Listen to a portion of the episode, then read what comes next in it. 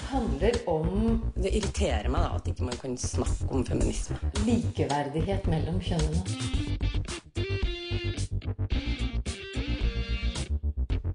Det blikket på kvinnen på film. handlet det om å bli tatt på alvor som jente.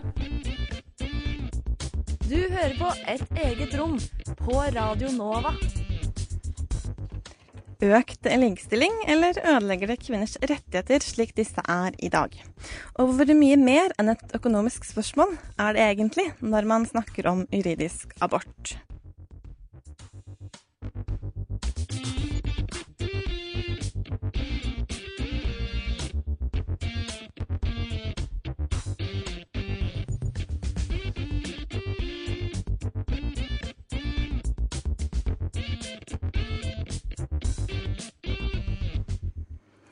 Hei og velkommen til dagens Et eget rom. Og vi kan vel like gjerne hoppe rett ut i det, fordi helt på tampen av januar i år så kunne vi lese at Stavanger Frp vil utrede såkalt juridisk abort. Fordi de vil sikre reell likestilling. I dag er det kun én part som gis rett til å bestemme om man skal bli forelder, og det vil de gjøre noe med. Både menn og kvinner bør kunne frasi seg retten til å bli foreldre, og i dag så er det bare den ene parten som kan velge å avslutte et foreldreskap. Det sa Kristoffer Sivertsen, som er leder av Stavanger Frp til NRK i slutten av januar. Og det her må vi jo selvfølgelig snakke om, og de som skal snakke, det er meg, Linda Therese Rosberg, og deg, Hanna Rangård Michaelsen. Yes, det er meg. Yes. Eh, og det er litt ekstra stas i dag, fordi at det er første gang du er med som programleder. Det er det. Det føles veldig trygt og godt å være her i studio med deg. Så bra, og for et tema og, eh, å få lov til å jobbe med første gang i studio. Det er veldig interessant. Det, det var nytt for meg. Jeg måtte bruke litt tid på å sette meg inn i hva det her egentlig handler om. Ja, og alle meninger og hvor debatten egentlig står. Eh, nå nevnte vi jo Fremskrittspartiet i Stavanger. Som, det de mente, det er at hvis man har juridisk abort, så kan man lette på presset som enkelte kvinner kan føle hvis de har da en mann eller de har hatt sex med noen som ikke vil ha et barn, og som krever abort. Så hva snakker man egentlig om? Det, altså, det handler jo om helt enkelt å fraskrive seg alle, all mulighet, alle rettigheter og plikter eh, til et barn før barnet er født. Ja. Det er jo ikke gjort noen undersøkelser om holdninger knytta til juridisk abort i Norge. Eh, Men i kommentarfeltet til et gjesteblogginnlegg i Nettavisen som lyder tittelen 'Gi menn rett til juridisk abort, det er likestilling', eh, er det flere som har sagt seg enig i det artikkelforfatteren, May-Britt Nilsen, sier om juridisk abort. Eh, Og jeg tenkte jeg skulle lese to av de kommentarene, for jeg tenker det oppsummerer kanskje litt hva noen mener om juridisk abort. Den ene så står det Dersom en kvinne bestemmer seg for å få barnet, og biologisk far ikke ønsker å bli far, burde han være fri for det ansvaret det er, både økonomisk og rettslig. Han er uansett ikke mer enn en spermdonor, og sist jeg sjekka, trengte ikke spermdonorer å betale bidrag. Så det var den. Det, det var den. Det var først ut. Og så er det en til, og det er en kvinne som skriver. Helt enig i at menn skal få lov til å velge på lik linje med oss. Ønsker ikke vi oss barnet, kan vi velge å ta abort. Ønsker ikke mannen barnet, eh, må han også ha muligheten til å velge bort. Da må kvinnen velge om hun vil bære fram og ta ansvaret alene, eller velge bort. Man har i hvert fall meninger om det her. Um, du fortalte meg før vi gikk i studio, Hanna, at du har jo faktisk snakket litt med dine venner om det temaet her. Ja, jeg måtte høre litt rundt med vennene mine de siste dagene om hva de egentlig tenker om juridisk abort. Og overraskende nok for meg så var det mange som var med en gang litt sånn positive til det, og tenkte å ja, men det er jo kanskje neste skrittet for likestilling.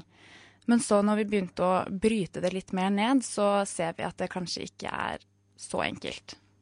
Det er ikke så enkelt, jeg er helt enig. Å gi mannen rett til juridisk abort, det bryter fundamentalt med ønsket om et mer likestilt foreldreskap. Det har eh, eh, jusprofessor Aslak Syse sagt i en knekk i 2016. Og han kommer hit til oss i dag ganske nært for å fortelle mer om konsekvensene ved juridisk abort. Eh, Men aller først så er det jo litt greit at man har i bakhodet hva dagens abortregler egentlig er. Og det har Andrea Skeid sett litt nærmere på denne uken. Vi har i Norge i dag en abortlov som de aller fleste vil omtale som velfungerende. Men sånn har det jo ikke alltid vært. Og vi ser at den stadig tas opp til diskusjon. Hva omfatter egentlig dagens abortlov, og hva skiller abortloven i Norge fra andre lands abortlover? Abort ble først lovlig i Norge i 1964. Tre år senere, i 1967, ble det opplyst at om lag 4700 kvinner hvert år søkte om å få innvilga abort. Av disse ble 3500 innvilga. Det ble samtidig antatt at mellom 7000 og 10 000 norske kvinner fikk utført abort på illegalt vis på 1960-tallet. Den offisielle loven om selvbestemt abort før uke 12 ble innført i mai 1978. Innad i vårt langstrakte land var det geografiske forskjeller når det kom til hvor man kunne få utført en abort på 1960-tallet. Det var f.eks. vanskeligere å gjennomføre en abort i utkantene av byene eller på bygdene, og det var strengere praksis i Nord-Norge, på Vestlandet og Sørlandet. Derfor reiste mange kvinner inn til store byer, som f.eks. Oslo, hvor det var et bedre tilbud. I dag skal det ikke være noe betydelig forskjell på by og bygd. Kvinner har rett til hjelp der de er. Og slik loven er i dag, så er det to frister som vi kan merke oss. Vi har en såkalt tolvukersregel, som innebærer at kvinner kan søke om å få innvilga svangerskapsavbrudd, som det heter i lovteksten, innen uke tolv. Skulle kvinner være lengre på vei i graviditeten enn tolv uker og likevel ønske å utføre et svangerskapsavbrudd, må det ses i sammenheng med hvordan svangerskapet, fødselen eller omsorgen for barnet kan føre til en urimelig belastning for kvinner helse, eller om det kan sette kvinner i en vanskelig livssituasjon. Dersom det er fare for at barnet kan utvikle alvorlige sykdommer, skal dette også tas hensyn til. I situasjoner hvor en kvinne har blitt gravid som følger av voldtekt eller incest, så må dette også ses spesielt i sammenheng. Det skal legges vesentlig vekt på hvordan kvinner selv bedømmer situasjonen, og man må se på sakene som enkelttilfeller. Begjæring om svangerskapsavbrudd, dvs. Si søknaden om å få innvilga abort, skal fremsettes av kvinna sjøl. Og er hun under 16 år, så skal den eller dem som er foreldre eller verge, gis anledning til å uttale seg, med mindre særlige grunner tar det mot det. Vedtak om svangerskapsavbrudd etter tolvte uke skal tas i samarbeid mellom kvinner og to leger. Blir søknaden om svangerskapsavbrudd ikke innvilga, kan søknaden sendes til en klagenemnd som gjennomgår saken på nytt. Denne nemnda består av fem medlemmer, hvorav minst to er leger og én er jurist. Etter utgangen av 18. svangerskapsuke kan man i Norge ikke avbryte et svangerskap med mindre det er særlig tungtveiende grunner for det. Er det grunn til å anta at fosteret er levedyktig, kan det ikke tillates å innvilge et svangerskapsavbrudd og den som avbryter et svangerskap i strid med lov eller forskrifter, risikerer å straffes med bot eller fengsel inntil to år. Dette høres kanskje dramatisk ut, men ifølge Folkehelseinstituttet ble 70,7% av alle selvbestemte aborter i 2016 utført før uke ni. Det vil si at de såkalte seinabortene er ikke så veldig vanlige. Det er som regel spesielle tilfeller. Vi beveger oss over grensa til nabolandet, i Sverige kan man få innvilga abort fram til uke 18. Sverige har også endra lovverket sitt i senere tid, slik at utenlandske kvinner kan utføre svangerskapsavbrudd hos svenske sykehus. Det er kjent at norske kvinner reiser til Sverige for å utføre en abort etter å ha passert den såkalte tolvukersregelen her i Norge. Da har de fortsatt seks uker å gå på i Sverige. I Irland har det derimot siden 1983 vært forbudt å ta abort. Irland har en av verdens strengeste abortlover. Det er forbudt å ta abort også om det skulle være noe galt med fosteret. Er kvinna blitt gravid som følger av det vi i Norge ser på som tilfeller under straffeloven, altså voldtekt eller incest, ja, så er det fortsatt ikke god nok grunn for å få innvelga abort. Det eneste tilfellet hvor det tillates å utføre en abort, er hvis det er alvorlig fare for kvinnens liv. Dette ble innfelt i loven i 2013. Resultatet er dermed at irske kvinner reiser til England for å utføre aborten sin der. Men det er også vedtatt at det skal holdes en folkeavstemning i Irland angående abortloven, som trolig vil bli gjennomført i mai eller juni i år. Ifølge noen meningsmålinger virker det som om flertallet er for en endring av loven, som i praksis vil si at kvinner kan ta abort innen de tolv første ukene, sånn som vi gjør i Norge. Det var eh, Andrea Skeid som eh, ga svar på alle spørsmålene du måtte ha om kvinnens rettigheter når det gjelder abort.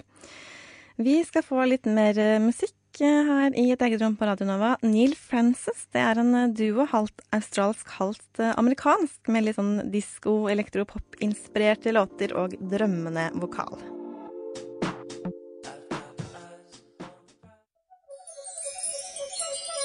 Du hører på et eget rom.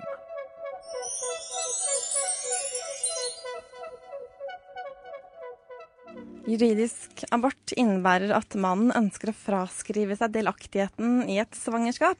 Det er da ikke mulig å vurdere dette annerledes enn et fundamentalt brudd med ønske om et mer likestilt eh, foreldreskap. Aslak eh, Syse, du er professor emeritus ved Det juridiske fakultetet her i Oslo. Og det her er dine ord, eller var det i hvert fall. Velkommen til oss på Radio Nova. Takk skal du ha. Hvor vi altså snakker om dette med eh, juridisk abort. Og da handler det om at man, mannen fraskriver seg all juridisk og økonomiske rettigheter og plikter. Men hvilke økonomiske og juridiske plikter eller, og rettigheter er det man egentlig snakker om? Hva er det man faktisk fraskriver seg? Ja, for å starte rett fram, da, så er det ikke mulig å fraskrive seg noe som helst i utgangspunktet. Og eh, det som er eh, lagt til grunn gjennom lovendringer som det har vært stor enighet om i Stortinget den siste tiden, er jo at mannen skal bli mer delaktig i samband med fødsel, barneoppdragelse, ansvar for barn mv. Det er ikke mer enn et år siden det ble vedtatt lovendringer av ganske stor karakter med da overskriften 'Et likestilt foreldreskap', og som går ut på at uh, mannen skal mer inn i bildet. Det er sånn i dag at uh, hvis folk er gift, så vil uh, både mor og farskap bli tillagt i kraft av selve giftermålet. I tillegg er det sånn at for foreldre som bor sammen, så vil også foreldreskap bli tillagt begge to. Men det som da er nytt, er at Stortinget har vedtatt at også der hvor eh, mor og far ikke bor sammen, så skal far sterkere inn i bildet ved at det i utgangspunktet skal tillegges foreldreskap til far, selv om han ikke da bor i lag med mor, og at det er snevre unntaksbestemmelser som, hvor mor har da mulighet for å sikre at eh, far, som da ikke trenger å ha noen nærhet til henne heller, ikke trenger å få noen nærhet til barnet, men det er en unntaksbestemmelse fra det som da er eh, hovedregelen. Sånn at eh, i disse likestilte tider så er farskapet stort sett på vei opp som en juridisk eh, eh tilnærming til dette, og ikke det som da ligger i dette forslaget om såkalt juridisk abort. Jeg har bare lyst på å starte med å si at eh, ordet eller begrepet juridisk abort er jo helt misvisende. Fordi at eh, abort går jo på at noe blir borte, stort sett nå i Norge knyttet til foster og spørsmålet om svangerskapsavbrudd. Enten av seg sjøl, det som da kalles spontanabort, eller ved at det utføres det som tidligere da ble kalt provosert abort, og som er ofte det som man legger i abortbegrepet. Eh, ved det som da kalles juridisk abort, så forsvinner det jo ikke noe barn i det hele tatt.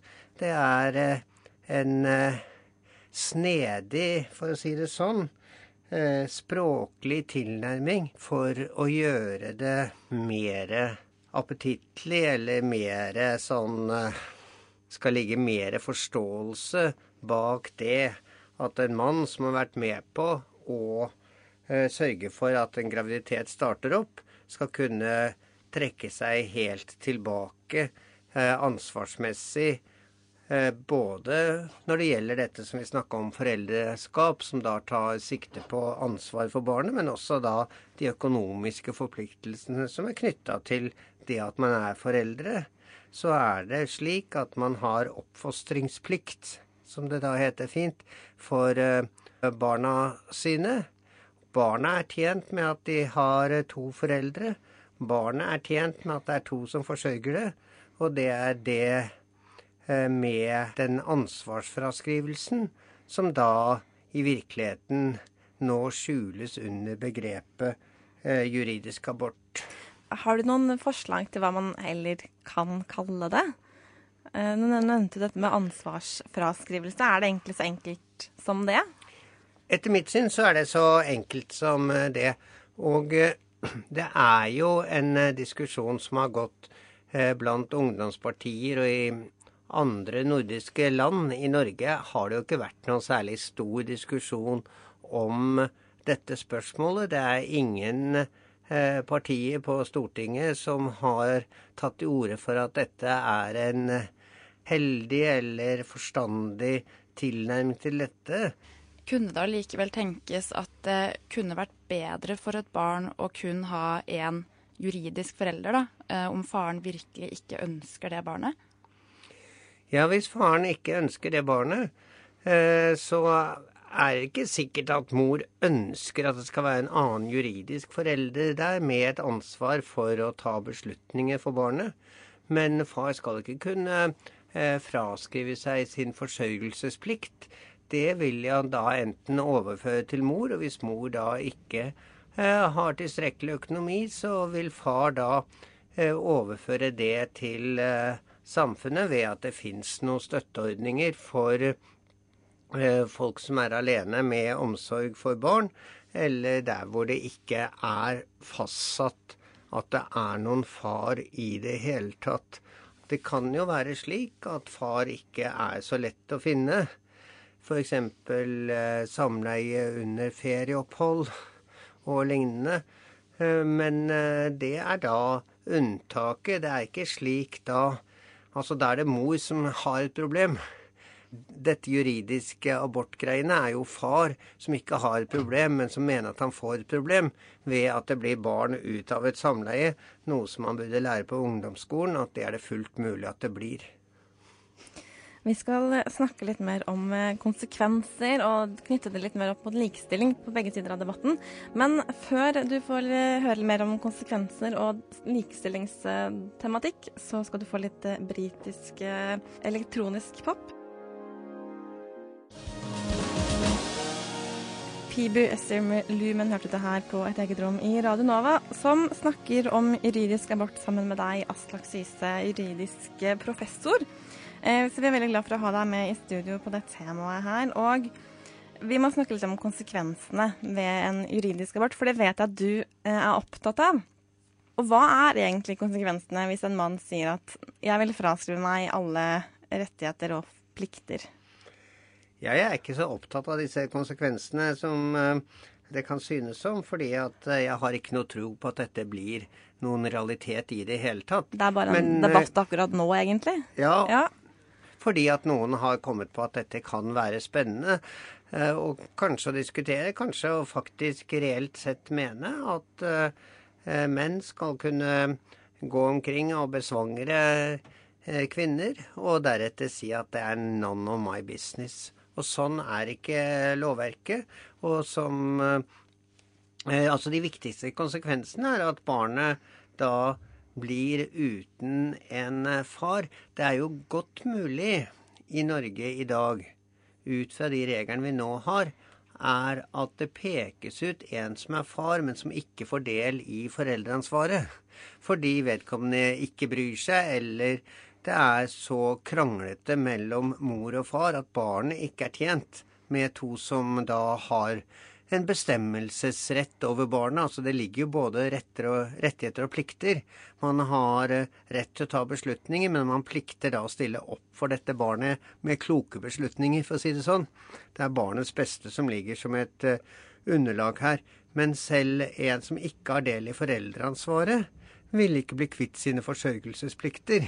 For da er det barnebidraget man snakker om. Ja, da snakker man om eh, barnebidrag som eh, da eh, måles ut etter bestemte regler, litt avhengig av fars inntekter og litt avhengig av mors inntekter, graden av samvær. Det er ganske kompliserte bidragsregler. Men da høres det nesten ut som at juridisk abort bare er å ikke betale barnebidrag for et barn man ikke vil ha samvær med.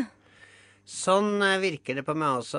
Og et sånt samfunn har ikke stortingsrepresentanter gått inn for å få. Det er derfor jeg oppfatter at dette er en eh, nødvendig debatt fordi noen eh, reiser den, men en ganske tåpelig debatt, for det er ikke innhold i det som foreslås. Så var det jo Stavanger eh, Frp som tok den debatten opp igjen nå på nyåret. Og der er det noen som mener at dine synspunkter som du har fremmet tidligere, det er et utdatert syn. Vi må se på det her med, på en ny måte. Og uavhengig av hva Stortinget snakker om, da, er det helt feil? Er det egentlig en debatt som er litt uvesentlig nå i 2018? Det er veldig vanskelig å si at debatter er uvesentlige, fordi at eh, det er ganske mange som diskuterer mye forslag som er litt far-fetched. Det jeg bare peker på, at det er ett år siden Stortinget vedtok regler som gikk helt motsatt vei, og som ble foreslått av en barne- og familieminister fra nettopp Fremskrittspartiet. Sånn at eh, det blir nok en tung kamp innad i partiet før dette blir eh, reelle forslag. Jeg syns at eh, dette er ganske uansvarlig forslag. Det er ganske kjipt overfor de jentene som blir gravide. Enten jentene ønsker det eller ikke, så er det kjipt at en som er med på det, eh, bare stikker halen mellom beina og sier at dette vil ikke jeg ha noe med. Det tror jeg ikke er et så utdatert synspunkt. Jeg har merket meg at eh, noen, noen av de som er for eh, juridisk abort, mener at en juridisk abort vil kunne beskytte menn eh, mot å bli lurt av kvinner til å bli uønsket gravide og da måtte stå til ansvar for et uønsket barn. Hva, hva tenker du om det? Ja, det er jo helt riktig. At eh, det er helt sikkert eh, jenter der ute som eh, kan finne på å si at jeg går på pillen, eller jeg blir ikke gravid, eller det er ikke den perioden nå. Og kanskje alt i alt ønsker en graviditet. Men det skal som sagt to til å danse tango. Sånn at hvis mannen på død og liv ikke ønsker en graviditet, så må vedkommende opptre i henhold til det. Sånn at eh, risikoen ved samleier er alminnelig kjent, som sagt, fra ungdomsskolealder. Litt eh, senere i sendingen så skal vi vende et blikk mot Danmark, for det har også blitt diskutert eh, i flere år. Og da får man inntrykk av at prinsippet er at eh, man blir lurt til å tro at dette her samleiet det vil ikke føre til graviditet. Og hvis man blir lurt, da burde det være greit med en juridisk abort. Men en juridisk abort vil vel også åpne for alle tilfeller av eh, graviditet, uansett om man blir lurt eller ikke. Eh, kan eh, debatten bli litt for snever? At man glemmer litt helheten i bildet? Ja, det, helhet i bildet eller ikke. Du kan jo si at eh, det siste årets eh, metoo-kampanje og det spørsmålet om stadig å skjerpe kravet til samtykke til eh, at et samleie skal finne sted, så blir det jo mindre og mindre eh, grunnlag for en eh, mann til å si at vedkommende er blitt lurt, hvis vedkommende i tillegg må spørre damene om hun ønsker samleie. Og man kan ikke ta som utgangspunkt at uh, det ikke kan bli barn ved et samleie. Det fins som sagt måter å beskytte seg på, og det fins ansvar man må ta når uh, svangerskapet da blir resultatet. Sånn at eh, den luringen blir også et bevismessig ganske underfundig og morsomt spørsmål.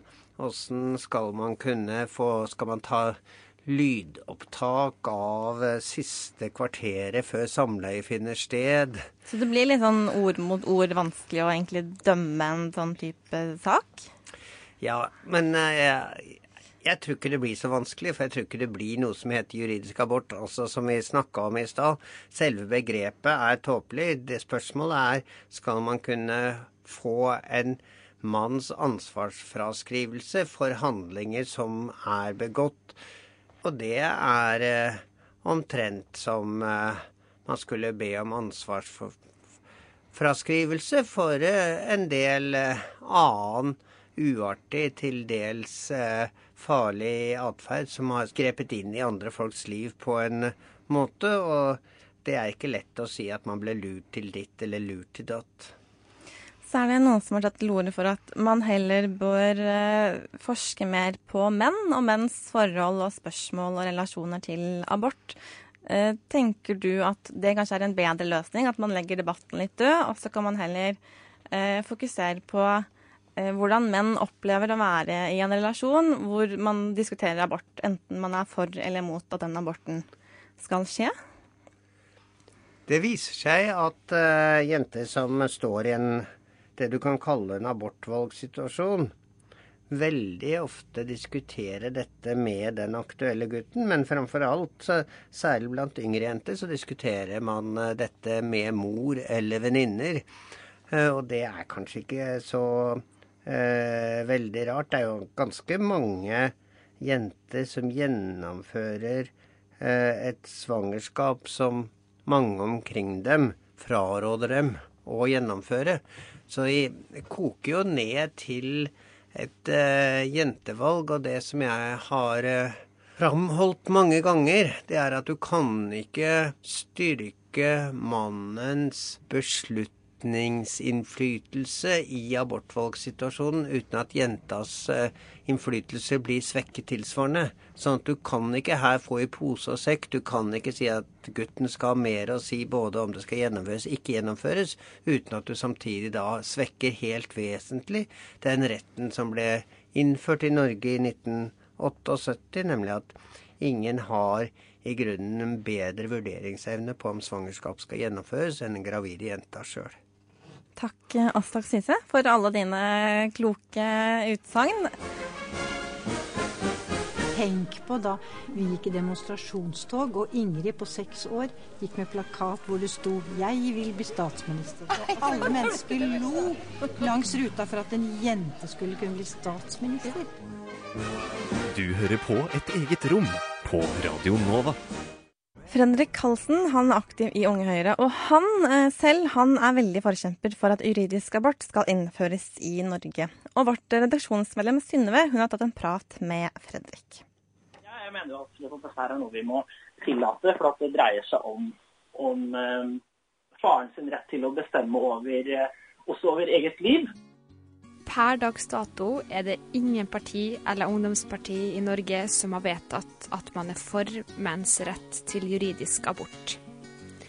Men du har allikevel en del grupperinger i både Høyre og Fremskrittspartiet som mener at dette burde inn i loven. Fredrik Halsen er aktiv i Unge Høyre, og skrev i 2016 et leserinnlegg i Aftenposten hvor han tok til orde for at juridisk abort burde innføres. Grunnen til det er fordi at eh, jeg kom egentlig over temaet med litt tilfeldighet. Hvor eh, jeg sto på stand, eh, og hvor det kom en ganske ung gutt bort til meg og var ganske fortvila over egen situasjon.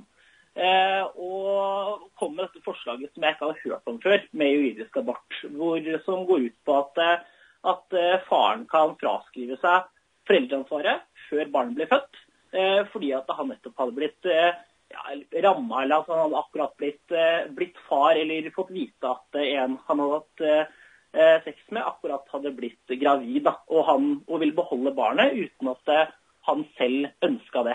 Okay. Så Det er grunnen til at jeg skrev innlegget. fordi at Jeg begynte å engasjere meg litt og så på det her som egentlig den beste måten hvor, som gir menn og kvinner de samme rettighetene. da, Eller tilnærma de like rettighetene.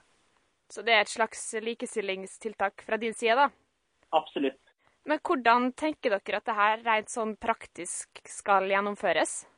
Nei, Det må jo gå på samme, litt av de samme premissene som eh, vanlig abort. da. At uh, man kan ikke fraskrive seg ansvaret etter at uh, etter at kvinnen selv har mulighet til å ta abort, at det går innenfor de samme ukene.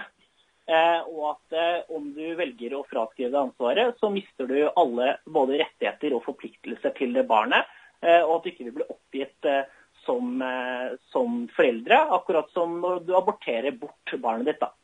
Ja, Så det gjelder både det økonomiske bidraget, men også samværsretten, da.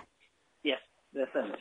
Og ansvaret som man har også en I barneloven i dag så ligger det en paragraf inne hvor, som, som fester at du har et, eh, ikke bare en rett, men et ansvar for å følge opp barnet ditt i, ikke bare økonomisk, men ved å være til stede. Og den, eh, den forpliktelsen der også vil du ikke ha hvis du velger å benytte deg av juridisk abort. da. Men hvem er det som skal betale den delen far da ikke betaler? Er det staten? Eh, Ja, altså det, det er jo ikke, Dette her er jo Det er mange problemer eh, som også er knytta til det her. En løsning er at staten gjør det. En annen løsning er at, eh, er at man må ta den konsekvensen ved at man selv velger å beholde barnet.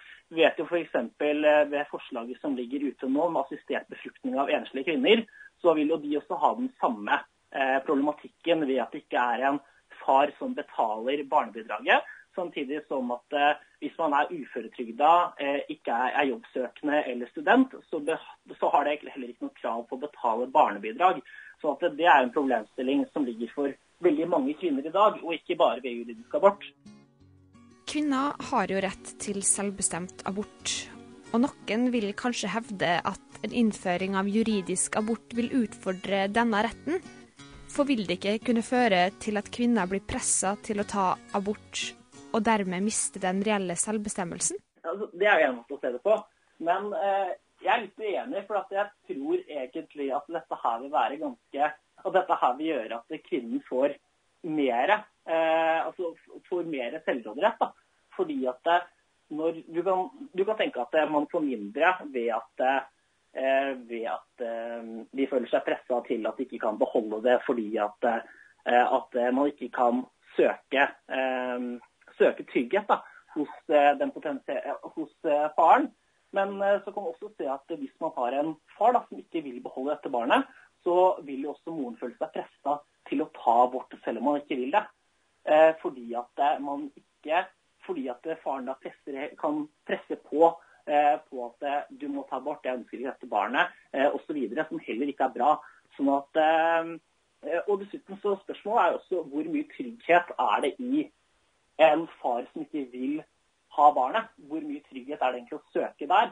Eh, altså dette her kan jo ramme barn også like hardt som det rammer eh, rammer, altså Dette her kan jo ramme barn ganske hardt også, ved at de hele tiden eh, må leve med en far som overhodet ikke har lyst på barnet i seg selv. da. Reporter her, det var Synnøve Berg Meisingseth.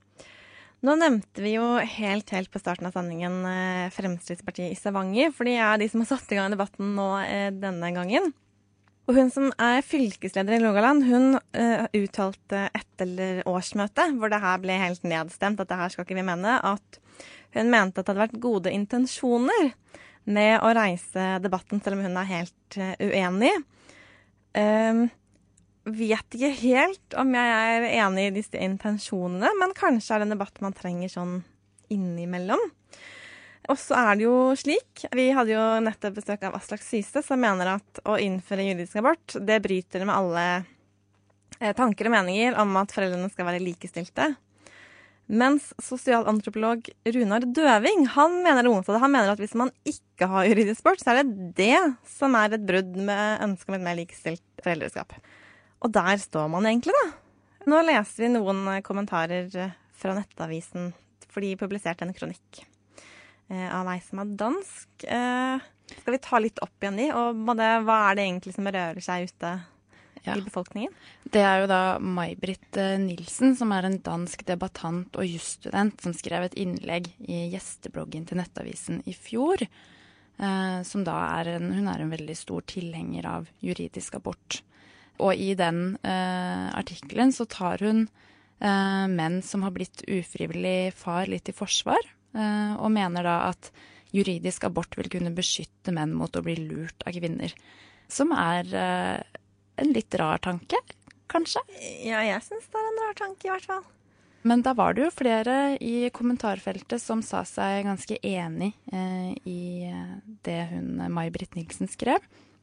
Det var, jeg kan lese en annen eh, kommentar jeg fant der også, eh, hvor en skriver jeg begriper ikke hvorfor menn ikke har rettigheter på dette området.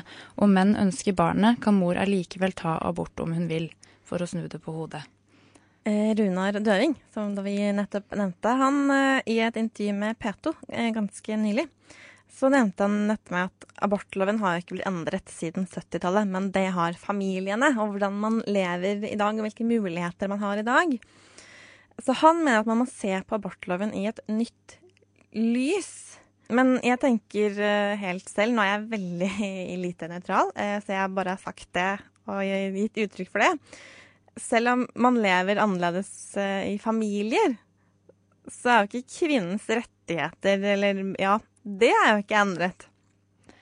Så jeg, ja, jeg skjønner at man kanskje vil debattere det nå, men jeg syns likevel at man måtte glemme litt sånn hvorfor man fikk fri abort i det hele tatt. Midt oppi hele debatten. Ja. Et annet argument er jo nettopp det at det også, i tillegg til at et sånt type forslag med juridisk abort skal kunne innskrenke kvinners rettigheter, så vil det jo også innskrenke barnas rettigheter.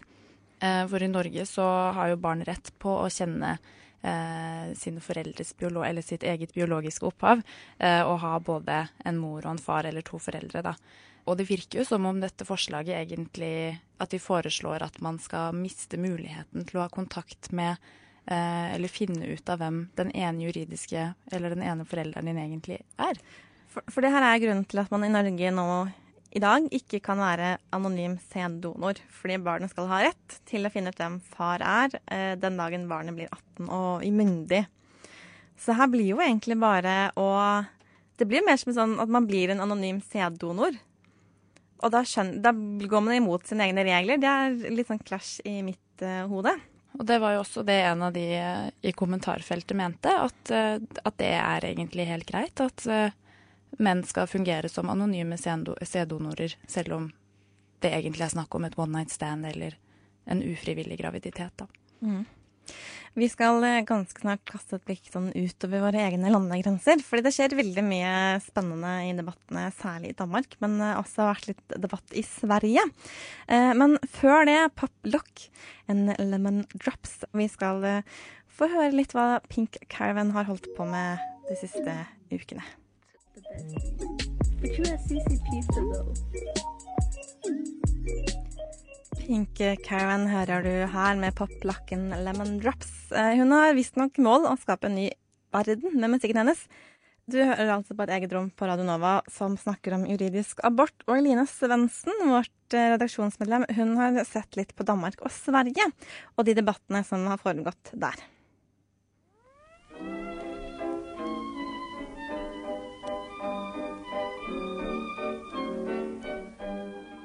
Juridisk abort har vært diskutert politisk i flere av de nordiske landene. Ideen om å la kommende fedre fraskrive seg alt av ansvar til det kommende barnet, var en idé som kom fra den danske samfunnsøkonomen Henrik Platz i år 2000.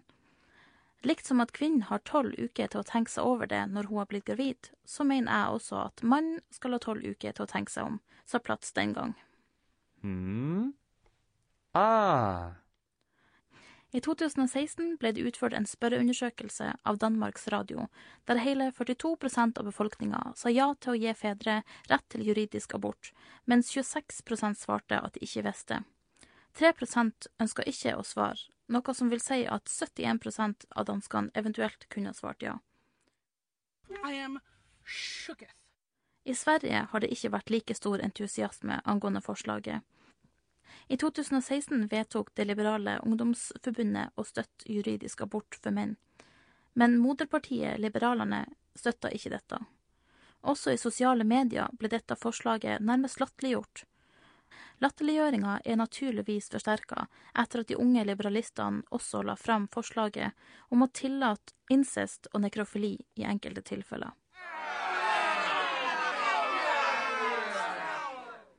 Juridisk abort kommer nok ikke til å bli lovlig verken i Norge, Danmark eller Sverige med det første.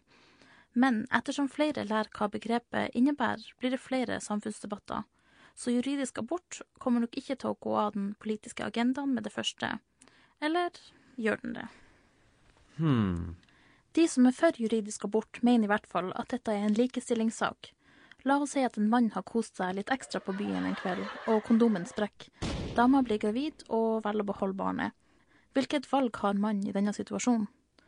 Han har ikke et valg, og det er det som er problemstillinga. De som er imot juridisk abort, legger vekt på at dette ikke er likestilling, fordi likestilling i denne situasjonen handler om at både mann og kvinne var med på akten, og da må begge partene også stilles ansvarlig for utfallet. Det de fleste nok er enige om, er at det finnes unntakssituasjoner som kan veie både for og imot, noe som kanskje er grunnen til at en tredjedel av Danmarks befolkning svarte vet ikke da de ble spurt om menn burde ha rett på juridisk abort.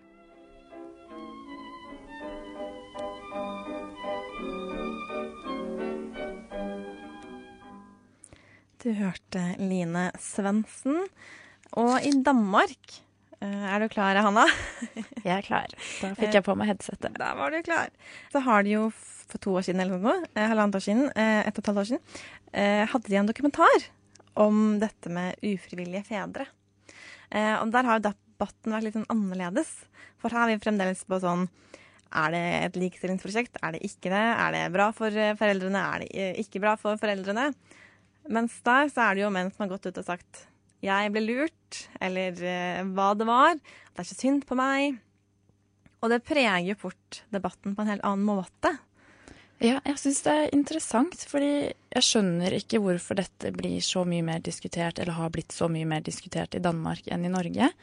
Eh, og så blir jeg også nysgjerrig på om man hadde foretatt en sånn type spørreundersøkelse i Norge, hadde vi også hatt en like stor andel som er for juridisk abort. Men nå har ikke jeg lest selve spørsmålsformuleringen, men slik som denne eh, undersøkelsen er blitt omtalt i dansk eh, media, så virker det som at spørsmålet er hvis mannen blir lurt av en kvinne som da blir gravid, skal mannen da ha lov til å ta juridisk abort? Ja, det ikke liksom- sant? Da legger man jo eh, et premie om at eh, hvis det skjer, så har man alltid blitt lurt. Eh, og det, det gjør liksom alt så ullent å forholde seg til. Jeg tenker at det burde jo være mindretallet eh, av sånne tilfeller med uønskede graviditeter. Da. At noen faktisk har blitt lurt inn i det. Også- også sånn Hvor ofte vi- kan det skje? Ja, jeg skjønner. Jeg ville tenkt at hvis jeg eh, så veldig ville bli gravid, at jeg eh, på en måte lurte en fyr eh, og sa at nei, nei, jeg går på p-piller, så jeg blir ikke gravid, så vet jeg ikke om jeg ville kontaktet den mannen etterpå og si sånn Forresten, eh, nå skal du bli far. For hvor er interessen i det? Og da må det heller være en debatt innad i et par om man skal beholde barnet eller ikke. Og da er man jo ikke lurt. Eller jeg, jeg bare henger ikke helt med på disse historiene og argumentene alltid. Nei. Og så snakket vi jo kort om det her med han Aslak Syse. Eh, og hvordan skal man forholde seg til det? Altså, man kan jo ikke bevise at man har blitt lurt, med mindre det er veldig sånn skriftlig. Og så er det uansett da om du har blitt Hvis noen faktisk har blitt lurt, eh, og du, er, du er en mann som er sammen med en dame, eh, og hun forteller at hun går på p-piller og ikke har lyst til å bli gravid, og så viser det seg at hun ikke har gjort det og har lurt mannen trill rundt, da. Har han ikke allikevel fortsatt et ansvar for det han har gjort? At Ja. Hvis det er det verste som kan skje deg, så burde du kanskje ha brukt en kondom i tillegg, da. Eller Ja, noe sånt. For det er et veldig godt poeng at eh, ja, men hun sa at hun hadde, gikk på p-piller, og derfor så ble jeg lurt. Ja, men hvorfor tok ikke du dine egne forholdsregler? Og så kan det jo hende at man faktisk går på prevensjonsmidler, men likevel blir gravid. Og da kan man jo føle seg lurt. Men man er jo ikke nødvendigvis lurt likevel. Så det er litt sånn rart, hele debatten og hvordan man skal Jeg syns hele debatten er et stort rot. Ja. Som man ikke kommer noen vei ut av. Man bare går rundt i en sånn samme sirkel. Godt oppsummert. Et stort rot. Vi er i ferd med å nærme oss slutten. Men aller først, før vi liksom runder helt av, så må vi høre litt norsk musikk. Og de, de heter Blomst, bandet. Men uh, det er litt sånn kruttønnemusikk, mer eller mindre. Og uh, deres låt 'Verdt å dø for', det syns jeg man kan uh, si om denne debatten her også. Det er verdt å dø for at juridisk abort ikke skal bli noe av her i Norge. Det er min egen personlige mening. Ikke nøytralt i det hele tatt. Enig.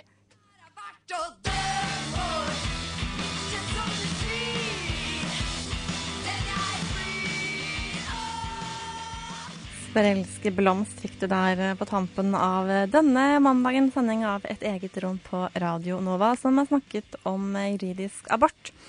Og de som har bidratt til denne sendingen, det har vært Line Svendsen, Synne Berg Meistingseth og Andrea Schein.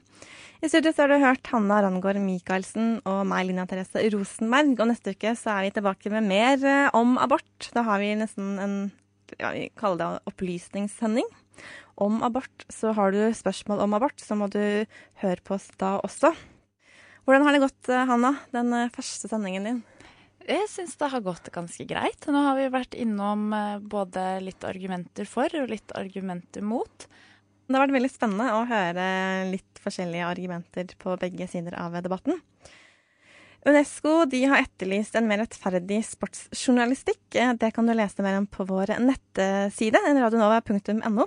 Og så må du rett og slett eh, tune inn eh, om en uke neste mandag klokken ti.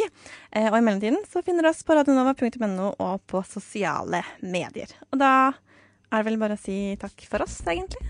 Takk for oss. Du har hørt en podkast fra Et eget rom på Radio Nova. Vil du høre mer?